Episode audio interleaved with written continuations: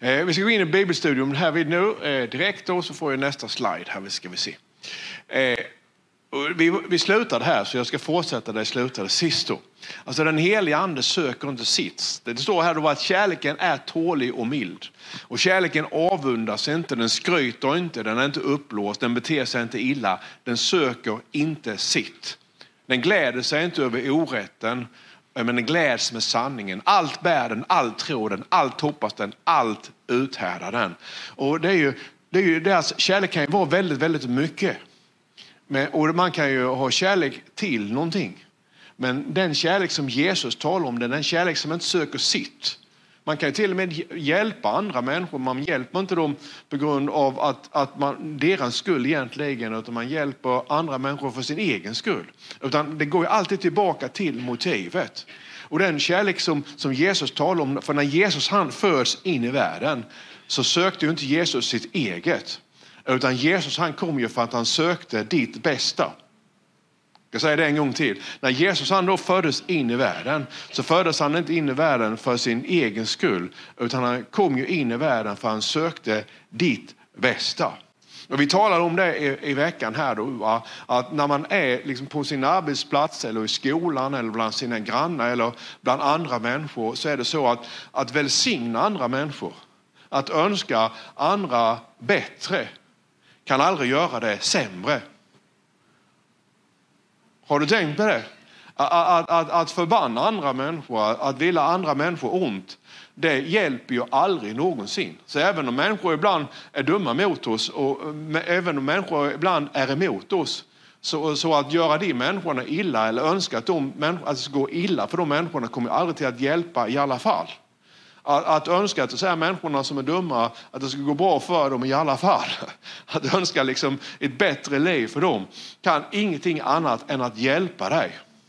Trots att de kanske är emot dig. Och det är det som är Jesu kärlek. Den söker inte sig själv, den söker inte sitt, utan den söker andras bästa. Och det är det som ska vara kännetecknen på hans kyrka, att vi söker inte vårt, vi är inte kyrka för oss själva, utan vi är kyrka därför att vi söker andra människors bästa. Halleluja.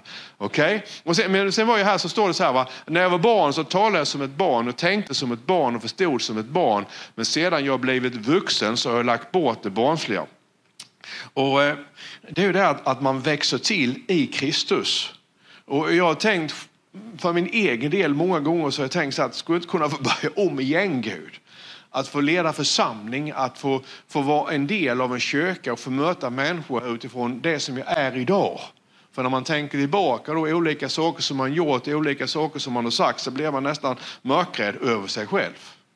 Men då om man kanske gjort det med gott samvete så får man lämna det. Men man önskar ju eh, någonstans att man skulle vara där man är nu, att man skulle varit där för flera år sedan. Men samtidigt så är det också en process det här att vara med Jesus. Så att man växer till. Men hur växer man då till? Jag vill bara ta det för att det handlar om kärleken. Om vi får nästa slide. Eh, och då står det så här, så får kroppen sin tillväxt och bygger upp sig själv i kärlek. Alltså så att kroppen, hur får kroppen sin tillväxt? Och då pratar han inte om den fysiska kroppen, han talar om församlingen. Hur får församlingen sin tillväxt? Hur, hur växer församlingen till i kärlek? För du ser va, Eh, alltså församlingen växer till i kärlek. Nästa söndag ska jag tala om en tro som är verksam i kärlek, men att församlingen växer till i kärlek. Alltså kärleken måste finnas för att församlingen ska kunna växa till. För finns inte kärleken där så kommer någonting annat. Istället kommer splittring, det kommer avundsjuka. Men, men kärleken får församlingen att växa till. Och så det här för att utrusta de troende till att fullgöra sin tjänst och bygga upp Kristi kropp tills vi alla når fram till enheten i tron och i kunskapen om Guds son. Som en fullvuxen man med ett mått av mognad som motsvarar Kristi fullhet. Alltså, ser du det nu?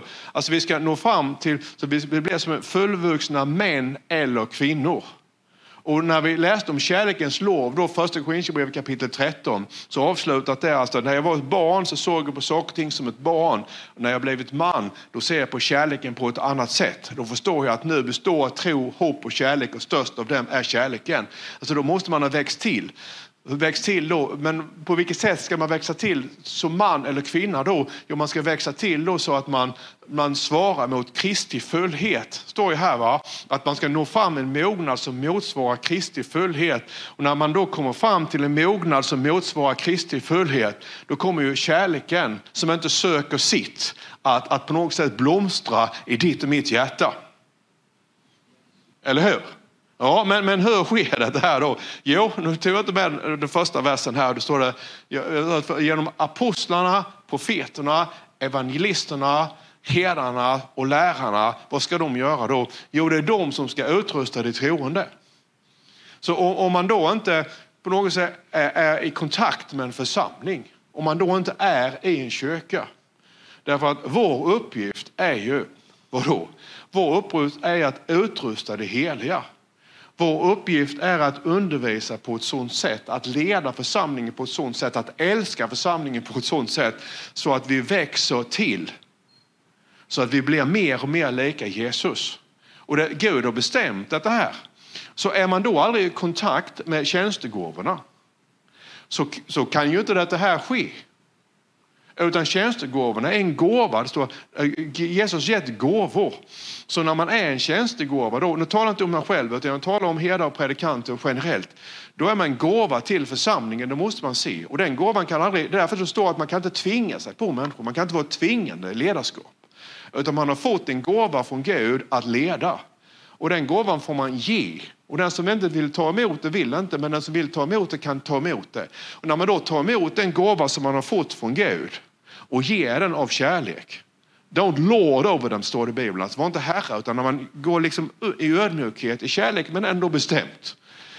Så kommer någonting att hända då, att det kommer till att fostras fram en enhet i tron. Och sen kommer vi då till att komma fram, liksom leda fram så vi blir allt mer lika Jesus. Och, och det är därför som det står om apostlarna då, va? att, att när, när grekiska änkorna de började bråka och det var för mycket administration, då fick de tillsätta medarbetare så att de kunde ägna sig åt vadå? Åt ordet och bönen. Varför skulle de ägna sig åt ordet och bönen? Jo, därför att då fick de kontakt med Gud. Så att de sen när de undervisade skulle kunna ge det till församlingen. Eh, ibland så har jag tyckt att alla ska be lika mycket som jag, men det kan man ju inte göra. Ska man börja jobba klockan sju på morgonen och man har kanske barn som ska upp och man ska fixa med och så här, va? Då, då, så, då orkar man inte det. Man ber kanske några minuter i bilen eh, till jobbet och det är bra nog det. Men däremot så, så är det ju vår uppgift då som, som, som har fått den här uppgiften av Gud. Att när jag sitter i bön, och jag pratade med Magnus här om veckan, han sa ibland, för han börjar vid en viss tid då när han är anställd här då. Ibland så hinner man liksom inte in när det stannar upp. Men jag, jag, jag sitter ju så länge i min morgonbön. Jag stiger upp klockan fem och tar kaffe klockan halv sex och sen gör jag några grejer först nu som jag kanske måste göra. Så, eh, och sen så går jag in i bönen då vid halv sju. Jag jobbar lite grann först då. Och sen, sen kan jag sitta där tills liksom allting har stannat av. Sen kan jag läsa Bibeln då tills Bibeln börjar tala och jag märker inte att det finns en värld utanför mig. Och ibland så har jag dåligt samvete för jag kommer till kontoret för, för sent. Men det är jag som har fel i mitt huvud. För den viktigaste uppgiften för oss som är herdar för en levande församling, det är ju inte vad vi producerar eh, liksom med våra händer, utan det viktigaste är att vi är i ett samtal med Gud. Så att när jag predikar till dig här idag till exempel, eller när Malin predikar, då söker vi ju Gud. Vi tänker ju inte så här, hur ska jag få till en bra predikan idag? Eller alltså, hur ska jag, förstår ni vad jag menar? Det handlar inte heller om att, att vad, vad det jag tycker att du ska höra. Utan man söker ju alltså, ordet och bönen. För att när man då predikar någonting som är getts i anden, jag vill bara förklara det, då kan man predika en predikan som kan nå massor med människor på ett individuellt sätt. Så är det va. Jag hade möte igår med Dubai. Det är ju ändå fantastiskt tänkt att sitta i Sölvesborg och predika i Dubai. Och I Dubai då så var jag uppkopplad på fyra olika lokaler. Jag predikade så det blåste i lokalen, kära Gud. Amen. Och det, det är ju helt underbart. Och det var samma sak, jag var satt nere på Ritz då, så hade jag ett möte på Ritz då, inte med folk på Ritz då, utan vi hade möte med, med England då och eh, med Dubai. Och sen så hade jag lite kompisar runt omkring också. Då tar man ut kyrkan i samhället. Och då hade jag datorn upp och sen så hade jag mötet på telefonen. Då så kunde de ju från, uh, nej det var, inte, det var inte Dubai utan de var i Nepal och England då. Så kunde då Ruben, då, pastor som jobbar för mig då i Nepal, och kunde hälsa på dem liksom på bruten engelska som satt på kaféet på Ritz. Då, då tar man kyrkan ner på något sätt så de förstår vad det är vi sysslar med. Eller hur? Det här är helt underbart. Förstår ni vad jag menar nu? Det, det, och det här, här måste man vara på något sätt ärlig. Så att när man, när man, är, när man är predikant då, eller man herde så får man inte söka sitt. För söker man sitt med då vågar man kanske inte predika de tuffa predikningarna. För du vet att när, jag älskar ju mina barn, men de växte upp så kunde de inte få göra som de ville. Ibland var jag tvungen att säga till mina barn saker och ting som de inte ville höra. Varför det? Därför att jag älskar dem. Så att älska är också att sätta gränser. Men om jag bara söker mitt, då predikar jag alltid för att bli populär. Men om jag inte, om jag inte söker mitt eget, då predikar jag, och för att vara ärlig, och i alla fall försöka göra och söka det ord som finns i anden som jag upplever själv i alla fall, för ingen är felfri. Och ni som har varit med mig här vid en längre tid, ni vet ju också när ni lyssnar på mig. Ni vet ju att när det blir bara Tommy, och ni vet när det är lite Tommy och lite Gud. Och ni vet ju de tillfällen ibland när dörren öppnas och den heliga ande kommer. Så jag kan ju inte lura er på något sätt så att vi får försöka och göra vårt bästa. Okej, okay, så att där är vi nu. Och sen så ska vi gå in över det som egentligen är dagens text då. Då säger Jesus så här va. Att jag är den sanna vinstocken, säger Jesus. Kan du se det? Och min far är vinodlaren. Och jag ska inte, jag vill vara, vi ska inte ta det här negativa nu som står här, men bara beröra det kort. Varje gren i, i mig, säger Jesus, som inte bär frukt, den tar han bort, alltså den, den torkar bort. Så att det, det är alltså tänkt att du och jag ska bära frukt i Guds rike. Och för att vi ska kunna bära frukt så måste vi vara i kontakt med församlingen. Och vi måste vara en del av församlingen där det finns tjänstegåvor. Så är det bara. Och, och jag, vi ser ju det att när människor tappar kontakten med församlingen så torkar på något sätt det andliga livet till sist ihop. Men det behöver inte vara för att man tappar, livet, eller tappar kontakten med en församling. Det kan också vara så att församlingar i sig själva tappar kontakten med Gud och den heliga ande. För när vi då tappar kontakten med en helig ande, då torkar till slut en hel församling. Sen blir det som ett torrt träd, sen kommer stormen och sen ramlar hela trädet, det finns ingenting kvar. Så vi måste ha livet kvar. Och vi har liv i vår församling. Halleluja, så är det. Vi är på väg upp. Vi har varit nere en dag nu, vi har en ny vision nu med kärleken som grund. Va? Så står det här, då, och varje gren, lyssna nu här vad Jesus han säger, för det här är väldigt, väldigt märkligt egentligen. Och, och jag vet att vissa får prestationsångest av det, men du får ta upp det med Jesus när du kommer till himlen. Så står det så här att varje gren som bär frukt, det tycker vi är bra att man bär frukt. Alltså att man är produktiv i Guds rike, att någonting positivt händer. Att människor kommer till tro, att människor blir hjälpta, att Jesu kärlek blir känd och erkänd. Så står det att varje gren som bär frukt, men det är inte nog med att du bär frukt, säger Jesus. Och det är inte jag som säger det här, så skyll inte på mig. Varje gren som bär frukt, säger han, rensar han så att den bär mer frukt. Så att när, när du då bär frukt och när du gör något positivt så att Guds rike växer så, så kommer Gud och säger att jag vill ha mer växt. Jag vill ha mer utveckling. Jag vill ha mer frukt. Så då klipper han tillbaka den grenen. Och när, när, Jesus han gav den här undervisningen, tänk på det här, då var det ju ett sammanhang då va, där, där, det var ett agralt sammanhang. Så den här, den här, alla visste ju att för att ett fruktträd ska bära mer frukt så måste du klippa tillbaka grenarna. Jag var ute här nu för en vecka sedan och, och mitt päronträd vi hade slagit massor med skott då. Va? Och då vet alla att vill du ha en kraftig tillväxt på päronträdet då måste du klippa tillbaka grenarna. Så, så Gud han säger det här att det är bra att du burit mycket frukt. Men nu kommer jag till att klippa tillbaka dig. Och att bli tillbakaklippt av Gud, det gör ont. Och ibland så händer saker och ting i våra liv så vi fattar liksom inte varför det händer. Men ibland så får vi gå igenom olika saker. Och det är trädgårdsmästaren själv som kanske är i bakgrunden. Och vi tycker att vi är så stora och vi är så duktiga och vi är så vackra. Och så klipper han tillbaka oss för att kärleken ska växa till. Alltså, för du vill klippa tillbaka, för när grenen, du vet när en gren växer på mitt päronträd, då ser man ju bara så här långa spröten. Och sett det som ett tjuvskott liksom på rosorna. Va? Bara sticker iväg så här. Men det måste man klippa tillbaka. För då blir det bara grenen som syns. Och det är inte grenen som är målet, utan det är frukten. Så att då så klipps vi tillbaka och så tyckte vi att vi var så duktiga. Vi fattar liksom inte varför vi blev tillbakaklippta. Men Gud han har en plan i alltihop det här att vi ska bära mer frukt. Jag har tänkt på vår församling, kanske är det på det sättet att under pandemin då så har han klippt till busken. Vi har blivit tillbakaklippta rejält. Varför det då? Därför att nu, det nya som växer fram när det gäller folkkyrkan, för det ska kunna bära mer frukt. Och vi ser ju faktiskt att i, i det som händer runt omkring oss nu så ser vi att det, det, det håller på att blomma. Vissa grenar på folkkyrkan håller på att blomma och det var länge sedan och det är fantastiskt. Kanske beror det på att vi har blivit tillbakaklippta och så kan något nytt växa fram. Och så säger han så här då va, att att ni är ju redan rena i kraft av ordet som jag har talat till er.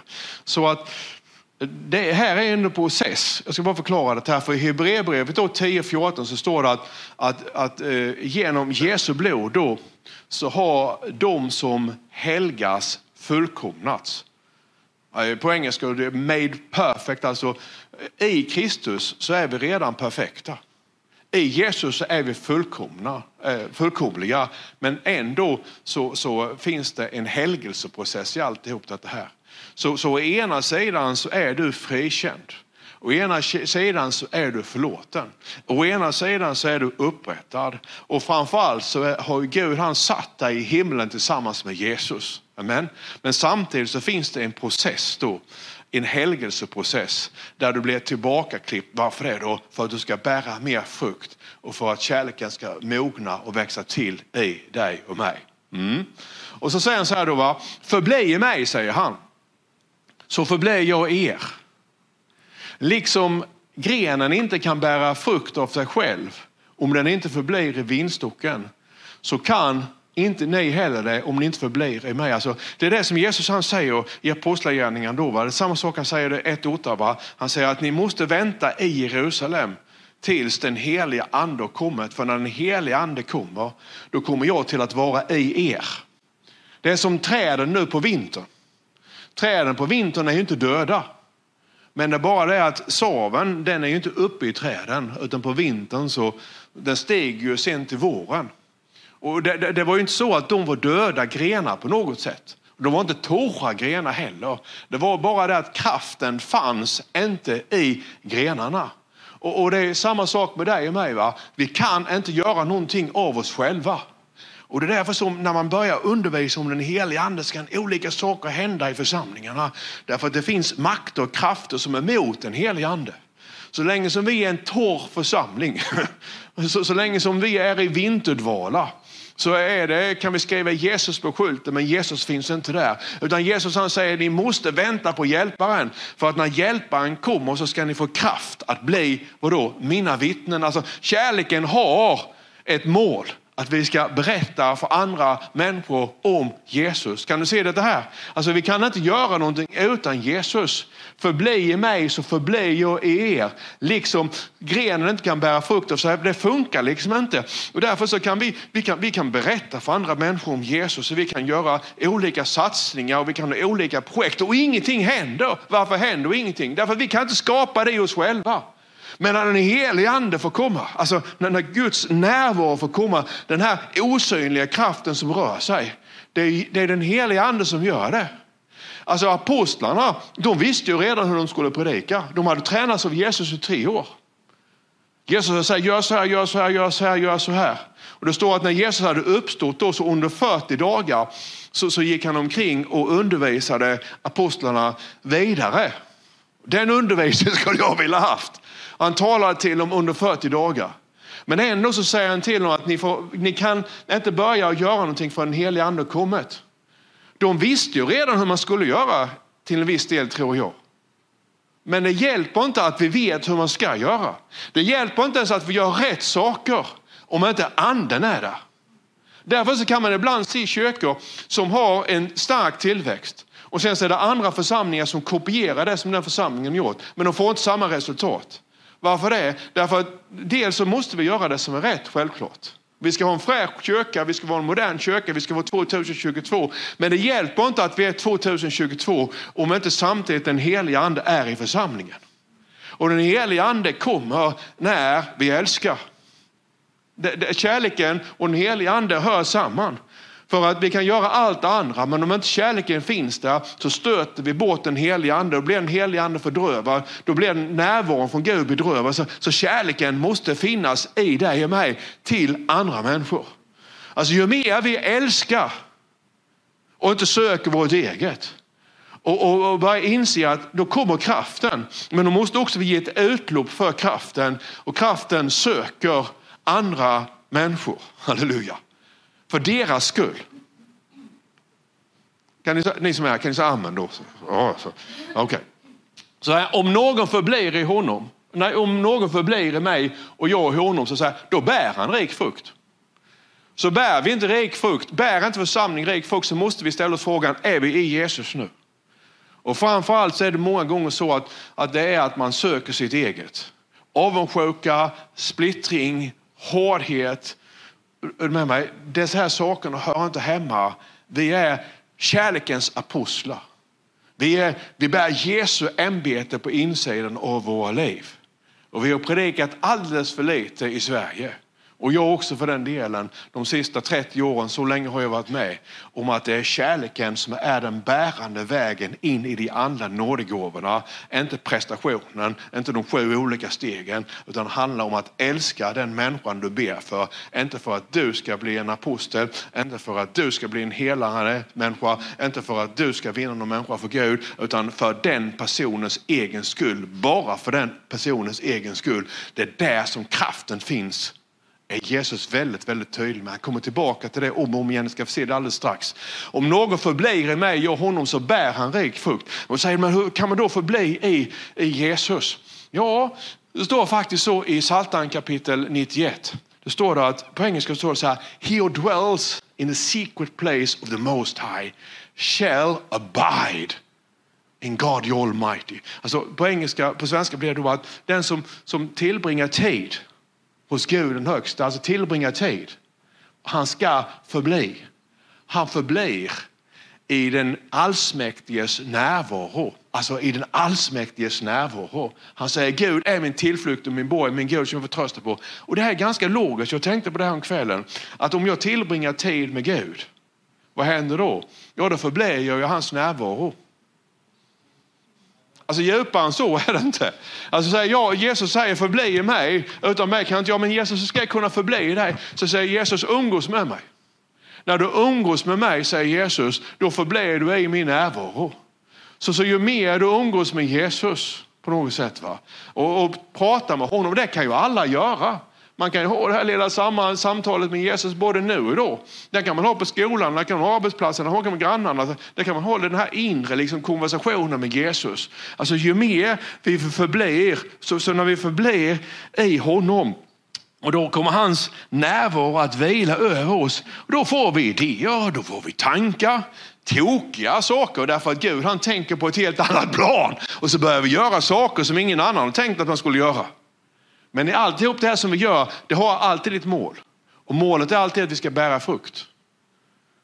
Vi söker inte vårt eget. När Jesus kommer då när vi är tillsammans med Gud, han söker, vi söker, jag söker inte mitt eget, säger Herren, utan jag söker det bästa för andra människor. Och tänk nu på det här, att, och, och tänk en församling då, som inte söker sitt eget, utan söker andras eget. Vad händer då? Jo, därför att om, om jag söker Karens bästa, jag söker inte mitt eget, utan jag söker Karens bästa. Och så söker Karen mitt bästa. Då blir det ju en fantastisk relation. Mm. Men om jag nu, så er som är här nu ni som tittar, om jag söker ert bästa och ni söker mitt bästa. Kan, kan, ni, kan, ni, kan ni på något sätt se hur fantastisk den relationen skulle bli? Om alla som är här söker alla andras bästa då innebär det att alla andra kommer söka ditt bästa. Man söker inte sitt, utan man söker ditt bästa. Tänk vilken miljö det skulle vara. Vem skulle inte vilja leva i en sån relation, i en sån miljö eller ett sånt sammanhang? Eller hur? Det är klart att om jag och Karin går hemma eh, där vi bor då, och sen tänker jag bara på mitt hela tiden och sen tänker hon bara på sitt. Då kommer det till glistna både här och där. Eller hur? För då tycker jag att hon ska städa, hon ska diska, hon ska baka, hon ska laga maten, hon ska göra det och göra det. För jag tycker liksom, jag tänker bara på mig själv. Eller hur? Och det är klart att då så tycker hon ju att du, diska ska du göra, du ska tvätta och du ska göra det och du ska göra det och du ska göra det. Därför att hon söker sitt eget och jag söker mitt eget.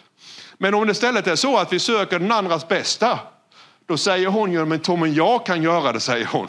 Och då säger jag, ja men det går jättebra älskling. Nej det gör jag inte. Utan då säger jag, men det kan jag göra istället.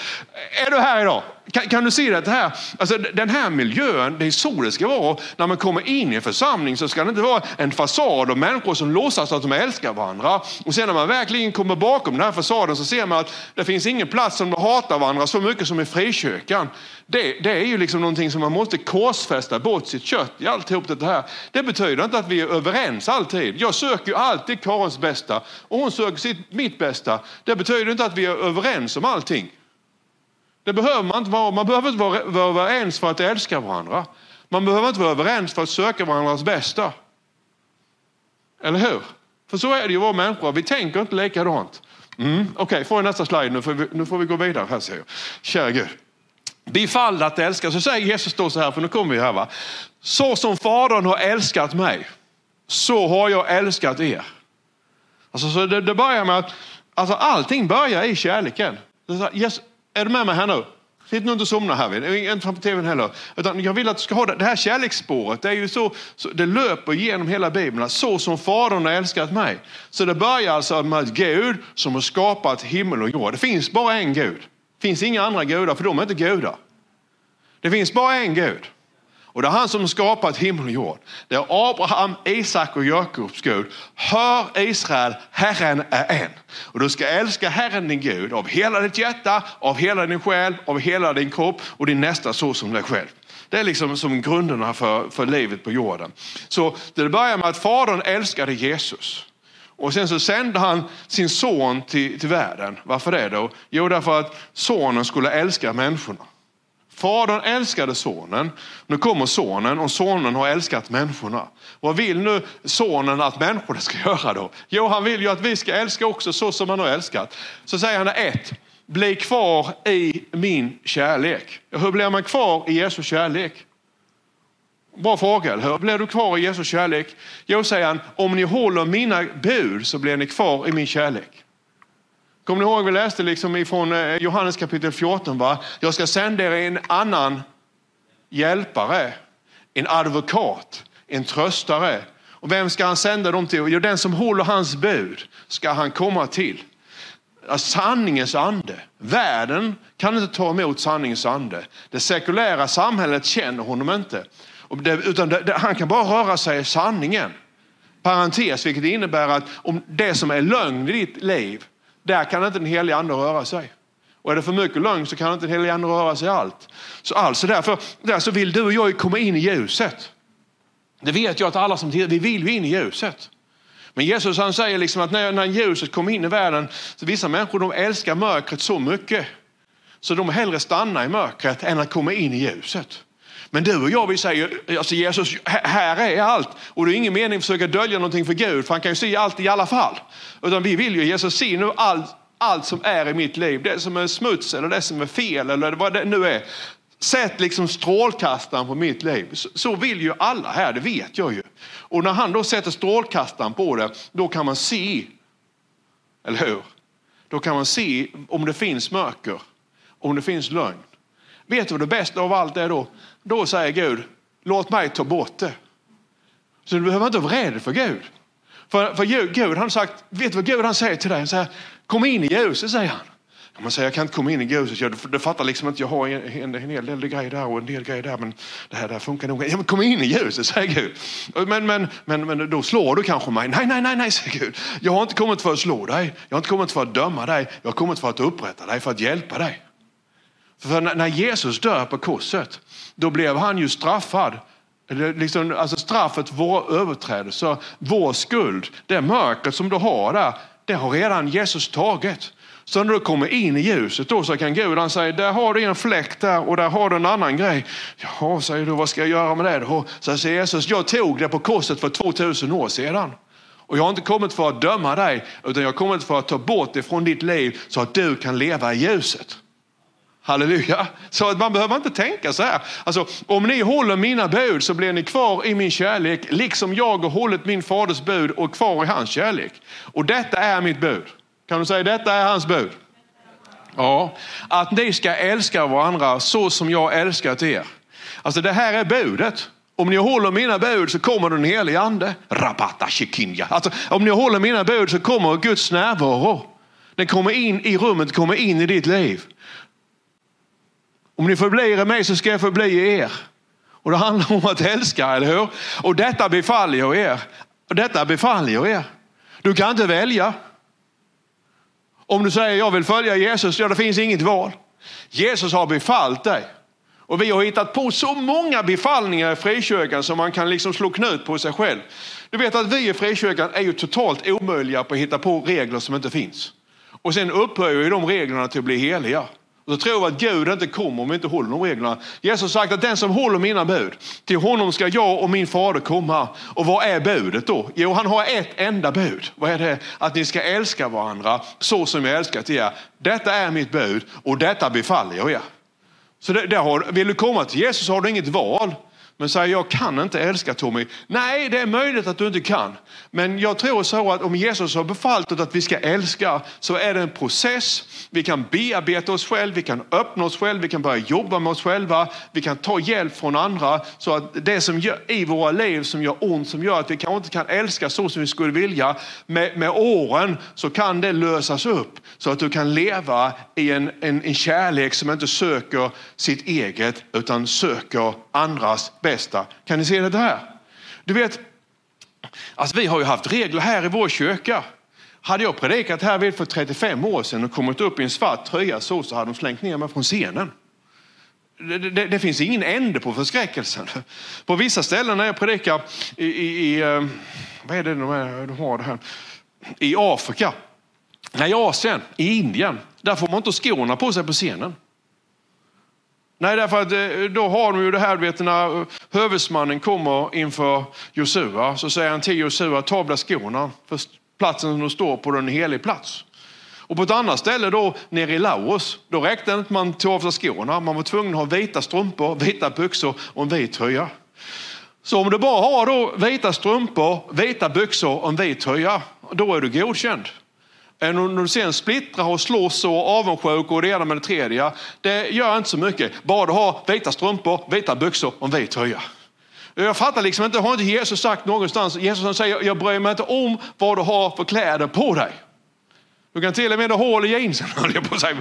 eller hur? Du, du, får ha vilka kläder som, som helst. Det, det, det, det, är ingenting som jag på något sätt tänker på, utan det som jag har befallt er att ha. Och det, det, den regel som jag har gett er, det är att ni ska älska varandra. För du vet att när man, när man, jag tänker på det, va? när du då börjar älska andra människor. Om du älskar andra människor, skulle du ljuga för någon som du älskar? Kom igen nu. Skulle du stjäla från någon som du älskar? Skulle du slå någon som du älskar? Nej, alltså skulle du bra någon som, skulle du vara avundsjuk på någon som du älskar? Men jag skulle aldrig kunna bli avundsjuk på mina barn till exempel. Hur kan bli avundsjuk på Karin. Ja, eh, jag kan inte bli avundsjuk, eller hur? Förstår du mig? Man kan bli avundsjuk om man älskar. Man kan inte bli bitter på människor som man älskar. Alltså, eh, är du här idag?